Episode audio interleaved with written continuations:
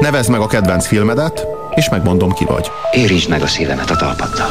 Na, én mindjárt elhányom magam. Gondolj életed legnagyobb orgazmusára. Szorozd meg ezerrel, és még mindig a közelében sem vagy. That's dead, baby. That's dead.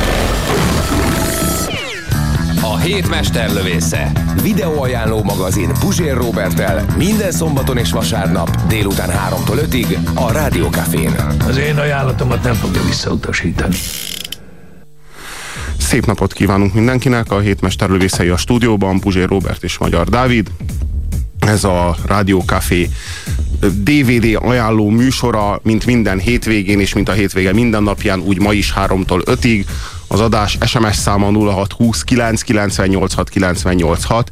Erre írhatjátok meg mindazokat az észrevételeiteket, amelyek a filmekkel kapcsolatosak.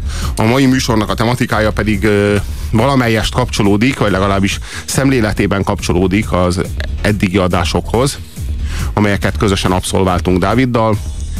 Ö, legutóbb ugyebár a náci múlttal néztünk szembe, és nem lenne ez a szembenézés teljes, és nem lenne a mi történelmi hitelességünk megalapozott, hogyha nem néznénk szembe a másik terhelt elemével a 20. századnak, amely a kelet-európai régiót kivált sújtotta. Ez pedig a Komcsi rendszer, a Komcsi diktatúra, amelynek Magyarországon számos stációja volt.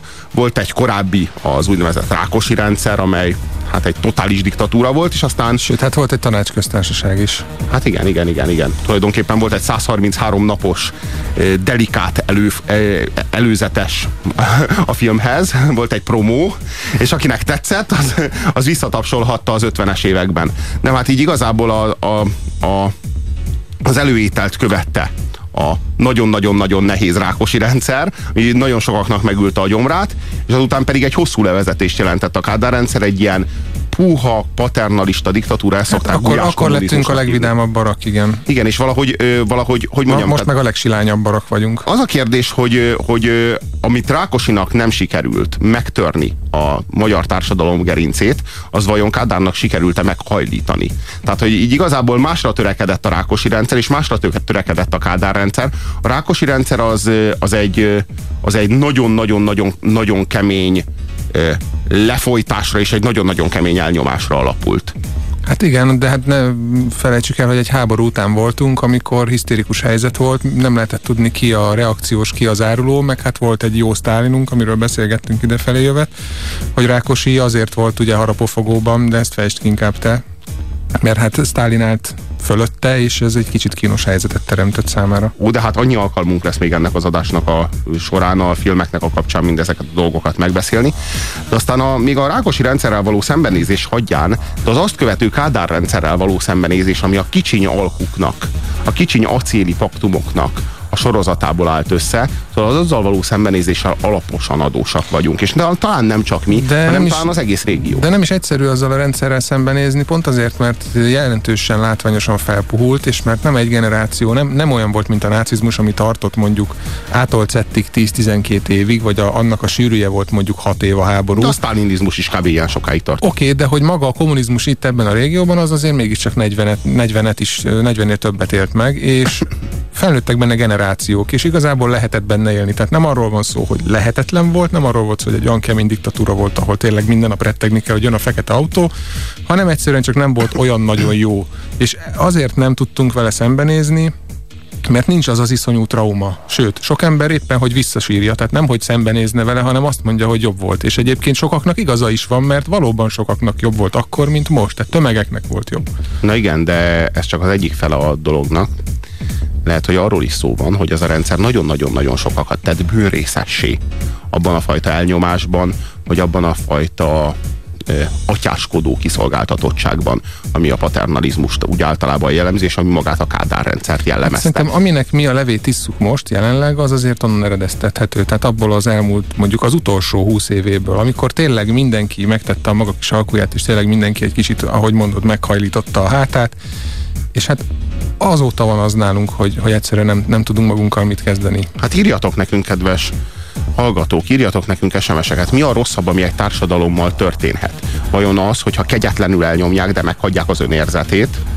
Vagy vajon az, hogyha bűnrészessé teszik a saját elnyomásában, és ezáltal mint egy megfosztják a, a saját jobbik részétől. Már arra azért törekedett minden rendszer, hogy az önérzetedet ne hagyja meg, és ez pedig a már jóval korábban tárgyalt ötödik pecsétben jól kifejti Latinovics, aki ott a, a nyirast játsza, hogy, hogy az a legnagyobb hiba lenne megölni a, azokat, akik bekerülnek hozzájuk, és a legnagyobb hiba lenne őket eltörölni, nem, őket vissza kell engedni a társadalomba, megtört gerincel, tehát önérzet nélkül.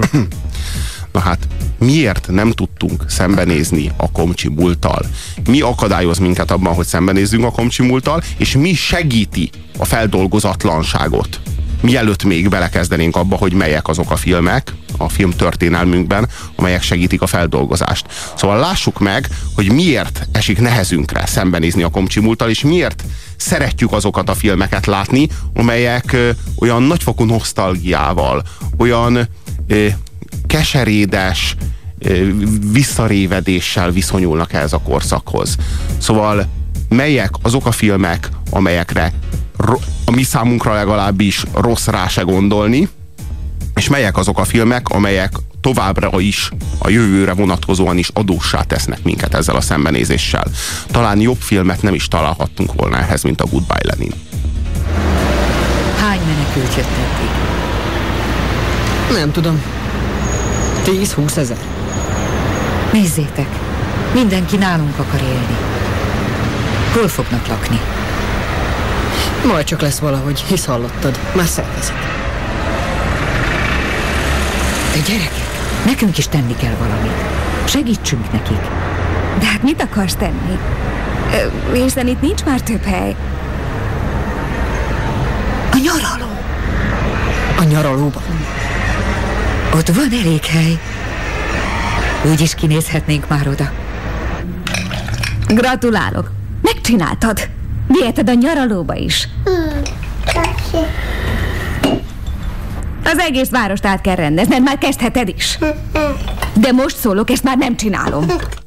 Miért kell Alexnak átrendezni az egész várost? Hát igen, mi most eléggé belecsaptunk itt a lecsóba, ez a filmnek nem az elején van már, hanem már egy kifejlett pontja. Itt arról van szó, hogy szegény anyuka, aki hitű kommunista, NDK-ban élnek, ő kómába esik éppen akkor, amikor a berlini fal leomlik, amikor a nagy változások történnek, és amikor ő felébred, akkor az orvos mondja a fiának, hogy semmiképpen semmi traumának nem szabad érni az anyukát. A fiú elkezd neki hazudni. És hát... Arról van szó, hogy anyu átaludta a rendszerváltást, és a fiú attól fél, hogy ha anyu arra ébred, hogy nyugaton él, és Coca-Cola van, meg Helmut Kohl, meg igen. Mercedes, meg BMW. Igen, igen. Akkor, akkor a világa összeomlik, és akkor anyu meghal. És annyira szereti anyut, hogy ezért hazudik neki egy, egy kelet-németországot. De egy olyan kelet-németországot hazudik, amilyen, amilyen kelet-németország meg volt hirdetve, amilyennek annak amilyennek a kelet, lennie kellett annak volna. A kelet-németországnak lennie kellett volna. Tehát nem annak a szánalmas, nyomorult rendszernek, hanem annak a mélyen igazságos, mindenkire kiterjedő, óvó, szerető szocializmusnak, amilyet megálmodtak az alapító Eláldott jólét egyben. És hát az anyuka ágyhoz van kötve, a szobában lakik ö, itt benn, ő nem tudja, hogy mi zajlik odakint, és a fiúnak tök könnyű dolga van, hát nem tök könnyű, hát a film azért elmondja, hogy nem egyszerű, de, de berendez neki egy életteret a saját lakásában, ami emlékezteti a múltra, csak hogy egyszer az anyuka véletlenül meglátja, hogy mi zajlik odakint, és látja, hogy ez bizony már nem az az NDK, amiben ő egy évvel ezelőtt komába esett, és akkor azt mondják neki, hogy arról van szó, hogy a fal túloldaláról jönnek a menekültek, a nyugatnémetek menekülnek ide NDK-ba, akik ugye kiábrándultak a, a fogyasztásból, a, a pénz utáni hajszából és a kapitalizmusból, és hát mi NDK-sok befogadjuk őket, szóval megfordítja az egész folyamatot, és hát meg kell, hogy mondjam, hogy nekem nagyon nem tetszik ez a film, tehát ki kell, hogy elő kell, hogy jöjjek vele, hogy ez szerintem egy szörnyű rossz film. Én senkinek nem ajánlom, hogy nézze meg. Ez kifejezetten azoknak készült szerintem, akik nem akarnak szembenézni. És akik nem éltek abban a rendszerben. Tehát ma azoknak a, a fiataloknak, akik csegevarát hordanak a pólójukon, meg úgy egy, egyáltalán, hogy érdekes nekik, hogy hú, van Trabant, meg Kispolszki, azok így megnézik, és ilyen nagyon vicces ez a film nekik. Az itt a nagy gond, hogy vannak bizonyos rendezők, és vannak komplet generációk ezeknek a rendezőknek a részére, akik visszautasítják a szembenézést az előző rendszerrel. Nem hajlandóak elvégezni ezt a munkát, és ilyen filmekkel például, mint a Goodbye Lenin. De ezt... Ma- Magyarország Magyarországon is van példa egyébként olyan Van filmre, bizony. amit, amit Ennek az jobb a- lett volna ennek a- nem megrendezni. Ki ennek az apostola nem más, mint Tímár Péter, a Csini Baba, a Cimmer Feri és az összes többi Kádár nosztalgikus genyóságnak a rendezője. Persze most nagyon sokan felháborodnak, mert a Tessék Baba csak az egy, az egy tömegfilm volt, és mindenki imádta, Én de meg kell, hogy én is gyűlöltem. 0620 9 98 6 98 6 az az SMS szám, ahol meg lehet védeni a csini babát mindattól a genypárlattól, amit itt rája fröcskölünk. A Goodbye Lenin az egy ehhez hasonló förtelem. Az az igazság, hogy mi azért utáljuk elsősorban nagyon, mert ez már leplezetlenül és szánt szándékkal mosdatja a Honecker rendszert. Hogy is fogalmazhatnék igazán pontosan?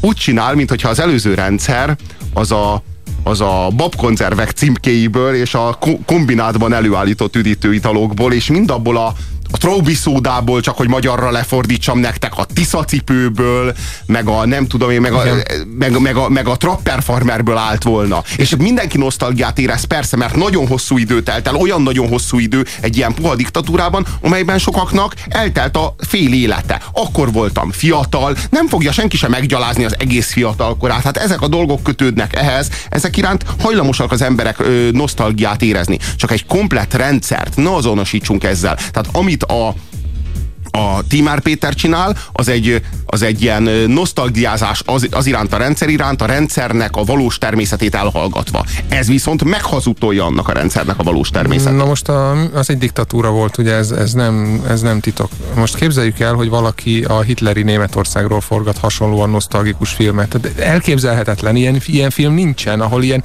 kedélyes, kellemes, Vagy- harmadik vagy- birodalombeli hétköznap. Vagy akár Mussolini Olaszországáról. Akár. Tehát, hogy, hogy ezt mennyire nem lehetne megtenni. Tehát, hogy mennyire kettős a mérce, azt azért érdemes megfigyelni. Mi a nagy szerencséje ennek a mi Alexünknek? Alexnek van egy jó barátja, Denis, aki fiatal médiasul is, tehát éppen végzi a médiaiskolát, és riporternek készül, és legyártja a kor hazug filmhíradóit, kicsit átdolgozva, kicsit Alex kényekedve szerint, úgy, hogy az anyuka az azt tapasztalja, hogy ez a, hogy ez a Kelet-Németország, ez legyőzte. Tehát, hogy végül is megtörtént az a csoda, amire mindvégig a keleti blokk várt, hogy beadta a kulcsot a rothadó kapitalizmus, Hát, és, a igen, kelet, a Trabant legyorsulta a BMW-t. és hogy a kelet szocializálja magához a nyugatot, nem pedig a nyugat a keletet. Berlin. A Központi Bizottság történelmi jelentőségű rendkívüli ülésén a Központi Bizottság főtitkára és az NDK állami tanácsának elnöke Erich Honecker humanitárius érzelmeiről tett tanúbizonyságot és engedélyezte, hogy az NDK prágai és budapesti nagykövetségé menedéket kereső nyugatnémetek beutazhassanak országunkba. Honecker szerint ez nagy fordulatot hozhat a kelet-nyugati kapcsolatban. Egyúttal minden beutazónak 200 márka kezdősegélyt ígért. Többek között a reménytelen munkanélküliség és a neonáci párt egyre növekvő népszerűsége miatt az elmúlt hónapokban egyre több nyugatnémet állampolgár döntött úgy, hogy nem folytatja a régi, megszokott életét, hanem elfordul a kapitalizmustól és hazánkban kezd új életet.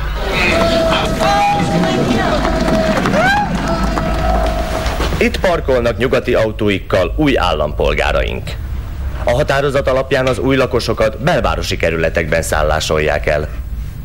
A Központi Bizottság a történelmi helyzetre való tekintettel létrehozta az Együttérzés a Nyugattal nevű segélyszervezetét, hogy lehetőséget biztosítson állampolgárainak együttérzésük kifejezésére. A szervezők bíznak abban, Beláttam, hogy a játéknak indult ötletem önálló életre kelt. Az NDK, amit anyám számára teremtettem, kicsit olyan volt, amilyet én kívántam volna magamnak. akik szívesen befogadnának nyugatnémet menekülteket, a helyi hatóságoknál jelentkezzenek.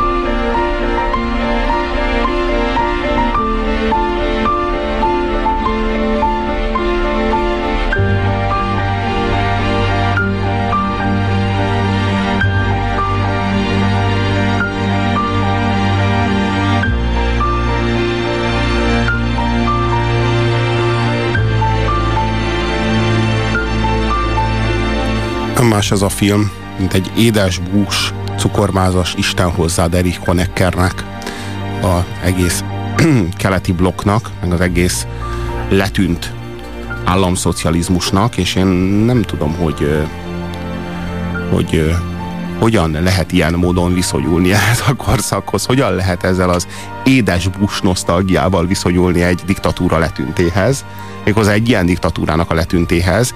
Ez egy, hogy mondjam, tehát egy, ez a... Ráadásul ami keményebb diktatúra volt, mint a miénk, mert ott valóban egy fal választott ketté egy várost. Tehát gondoljunk bele, nálunk is azt mondják, hogy diktatúra volt, de szerintem az embereknek nagy többsége ezt úgy nem ér. Legalábbis a nem mondjuk 40 évnél fiatalabbak, vagy 50 évnél fiatalabbak ezt annyira nem érzi. Kelet-Németország sokkal keményebb sokkal volt. keményebb volt. És úgy tűnik, hogy azok az alkuk, amelyekkel magához édesgette, megvásárolta egy Wartburgért, meg egy hétvégi házért magának a rendszer, az állampolgárokat, vagy alatvalókat, nevezhetjük így is, az túlélte magát a rendszert. És ilyen filmekben él tovább, mint a Goodbye Lenin. Tehát, hogy e, ezek az alkuk, ezek beívódtak a zsigerekbe, és aztán később visszajárnak. Ezért nagyon nehéz a szembenézés a komcsi múlttal. És képzeljük el, hogy a náci rendszer az konszolidálódott volna. Játszunk el egy pillanatra azzal a gondolattal, amely maga egy rémálom, hogy mondjuk Hitler megnyeri a háborút, és berendezi a saját maga Európáját. Mondjuk 20-30-40 évvel később el sem lehet képzelni, hogy ugyanolyan véres diktatúra lett volna, mert egy ilyen diktatúrát nem lehet konzerválni. Hát maga a francia forradalom ö, Danton és Robespierre végzete is azt mutatja, hogy egy ilyen véres diktatúrát nem lehet konzerválni. Ezek mindig egyemberesek, tehát ahogy Stalin meghalt, úgy ott, ott jött az enyhülés, mert Hruscsov is sokkal enyhébb volt. Hát, Persze később egyre puhult. Hát Nálunk Rákosi után jött az enyhülés, tehát egyszer Hitler is meghalt volna, és őt is követte volna egy enyhülés. Persze, tehát nyilvánvaló, hogy nem lehet fenntartani egy ilyen véres diktatúrát olyan nagyon hosszú ideig. Előbb-utóbb felpuhul a, a, a hitleri Németország is, aztán a hitleri Németországból lesz egy kevésbé hitleri Németország, és a harmadik birodalom is így egy belecsúszik egy ilyen, egy olyasfajta kádárizmusba, amelyből aztán létrejön egy rendszerváltás, mert hogy aztán nem tudom én, az amerikai szabadversenyes kapitalizmus, az a harmadik birodalomnak az államkapitalizmusát valamilyen módon legyőzi, és aztán jön egy filmrendező, Wolfgang Becker, aki rendez egy ilyen filmet erről, és az a cím, hogy Goodbye Hitler.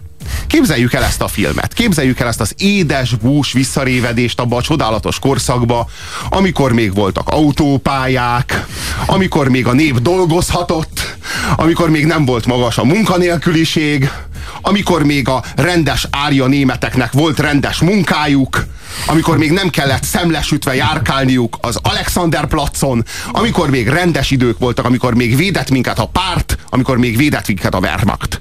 Képzeljük el ez, ezt, a, ezt a filmet. És képzeljük el, hogy ez a film mondjuk Hollywoodban elnyeri a Golden Globe díjat 2004-ben. Ez az, hogy csak elnyerte? Ez bizony elnyerte. Amikor felnéztem a felhőkre, rájöttem, hogy a valóság egy nagyon bizonytalan, formálható valami, ami könnyen átalakítható anyavilág képéhez. Csak tanulmányoznom kellett az aktuális kamera nyelvezetét, és kicsit legyezni Denis rendezői becsvágyát. A mai napon Günther Mittag, a Központi Bizottság gazdasági államtitkára a Coca-Cola gyárban tett látogatást Nyugat-Berlinben. A látogatás célja, hogy a Coca-Cola és a Lipcsei italkombinát között egy lehetséges kereskedelmi szerződés részleteit egyeztessék. A nyugat-berlini biztonsági alkalmazottak azon igyekeztek, hogy hátráltassák munkánkat. Úgy tűnik túlságosan kínos a kapitalista cenzúrának, hogy a hatalmas Nem forgattak semmit! Nem forgattak Utolsó semmit! kétségbeesésében partnerszerződést kíván kötni a Lipcsei italkombináttal. Nem forgattak semmit, mondtam már! Kérem, hagyja abba! Kérem, ne zavarja az aktuális kamera forgatási munkáját! Hívom a rendőrséget! Figyelemre méltó, hogy nemzetközi tudósok szakvéleménye szerint a Coca-Cola eredeti aromáját, a jól ismert erős ízt már az 50-es években az NDK laboratóriumaiban fejlesztették ki. Vissza a stúdióra. A Coca-Cola szocialista találmány? Az NSK-ban rohamosan növekszik a Azt hittem, hogy kóla volt már korábban is. Augusztus végén Nem érted, anya? 93-an lettek a Ezek évekig átvágtak minket. 60%-kal többen, mint tavaly ilyenkor.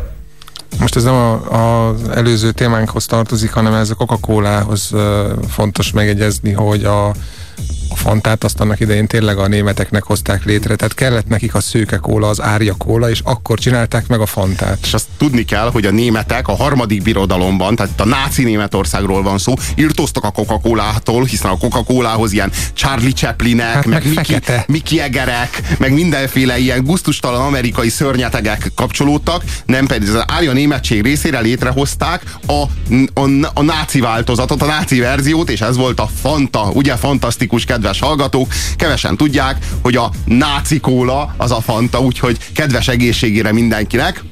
Hazánkban sárga, sárga víz néven is ismert, meg szőke De a kóla szőke néven kóla az azért jobban, jobban működik. Na most az a, a, csak hogy azért valamelyest értsétek, hogy miről van itt szó. Miért kell ezeket hazudnia ennek a jó Alexnek a kedves anyuka számára? Ezekre az hazugságokra azért van szükség, mert anyuka kinéz az ablakon, ugye óhatatlanul, bár hát betegeskedik, de hát azért néha kimegy az erkére, és hát látja a rengeteg Coca-Cola hirdetést. Hát hogy lehet ezt megmagyarázni? Hát nyilván úgy lehet megmagyarázni, hogy hogy a Coca-Cola az is az NDK találmánya. Hogy lehet megmagyarázni a sok nyugati autót, a sok nyugati embert, azt a hatalmas kavalkádot, amely betört a kelet-német társadalomba? Hát úgy, hogy ezek menekültek, akik nyugatról érkeztek. Tehát így belekerül a srác egy hazugságspirálba, de az egész olyan bájos, meg olyan csodálatos, hiszen úgy szereti az anyját. Az egész egy olyan, egy olyan, egy olyan tündéri mese, egy olyan csodálatos mese, de jó is lett volna, ha ilyen lett volna az NDK. Hát és amekkorát hazudik Alex az anyjának, akkorát hazudik nekünk a nézőknek a film.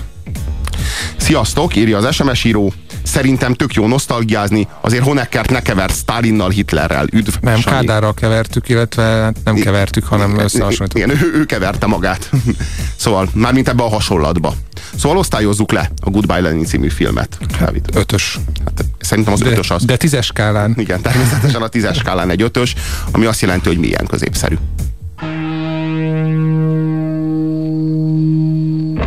Get your and roll and get it under control.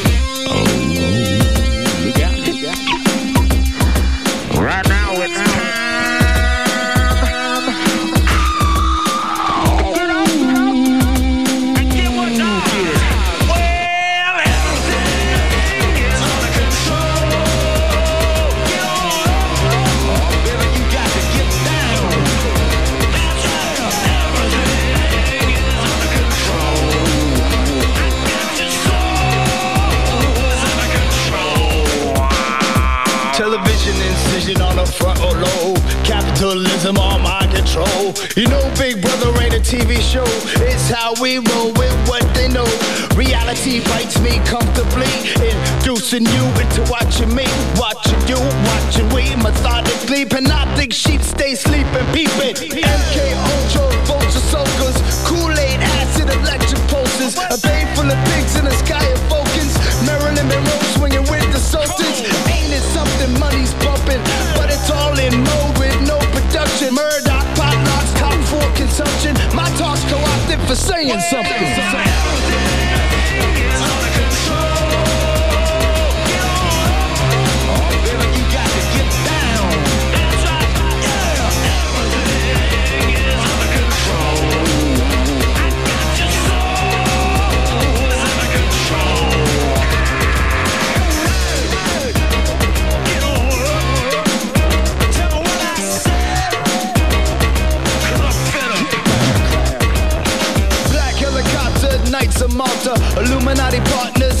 topless, Vatican tax in the Texas Mafia, Pentagon packs with Lockheed Martin, laughter, get contact with Martians, spark plug jacks with Hitler's offspring, Dick Cheney on smack for a busted O-ring, ring, ring, ring.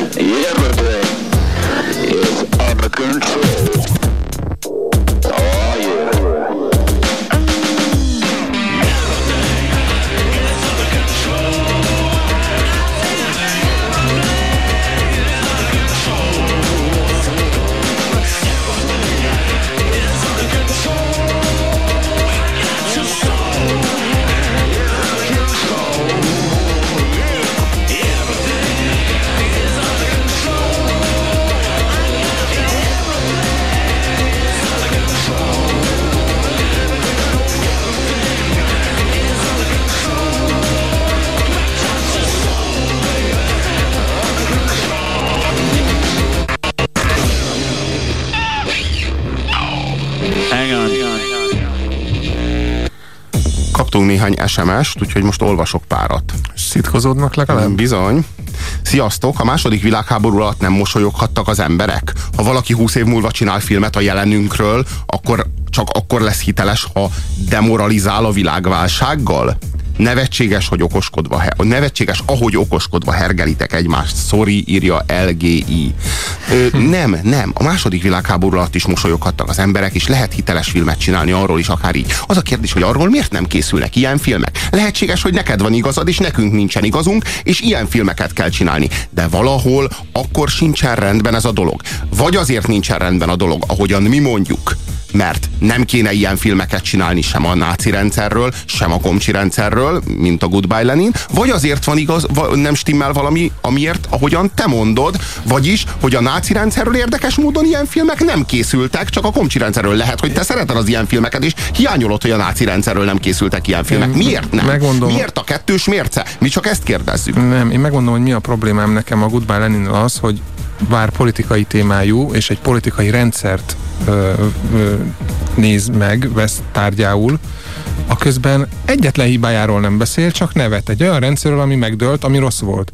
Nem azt mondom, hogy nem nevettek az emberek a 80-as években, de rengeteget nevettek. Én is gyerekként nagyon jól éreztem magam, de ez nem jelenti azt, hogy az a politikai rendszer jó volt. Az sem jelenti, hogy maradéktalanul rossz volt, de egy film nem szólhat arról, ami ráadásul egy rendszert vesz mondom tárgyául, nem szólhat arról, hogy az csak jó volt, mert ez nem igaz, ez egy hazugság, és a hazug filmeket nem szeretem. Le, lehet olyan filmet forgatni felőlem a náci Németországról is, ahol kedélyes hétköznapok vannak, és emberek jól érzik magukat, és nagyokat nevetnek, de ha nem említi meg azt, hogy mellesleg ez egy embertelen, elnyomó rendszer volt, akkor az a film hazug lesz. De nem, azt se bánom, hogyha egyáltalán nem egy politikáról szóló filmről van szó. Tehát felülem lá- játszódjon a náci Németországban, és szóljon arról, hogy egy férfit megcsal a felesége, aki ettől nagyon ideges lesz, aztán úgy gondolja, hogy öngyilkos lesz, aztán mégis inkább a feleségét lövi agyon. Tehát most persze sokféle, sokféle Ez- ez magánélet- vicces? Nem tudom, de egy sokféle magánéleti drámát el tudok képzelni, vagy bármiféle filmet, nem kell annak politikai filmnek lenni, de ez könyörgöm, ez a film a politikai rendszerről De szól. ezt mondom én Tehát, is. hogy ez, ez a tematika.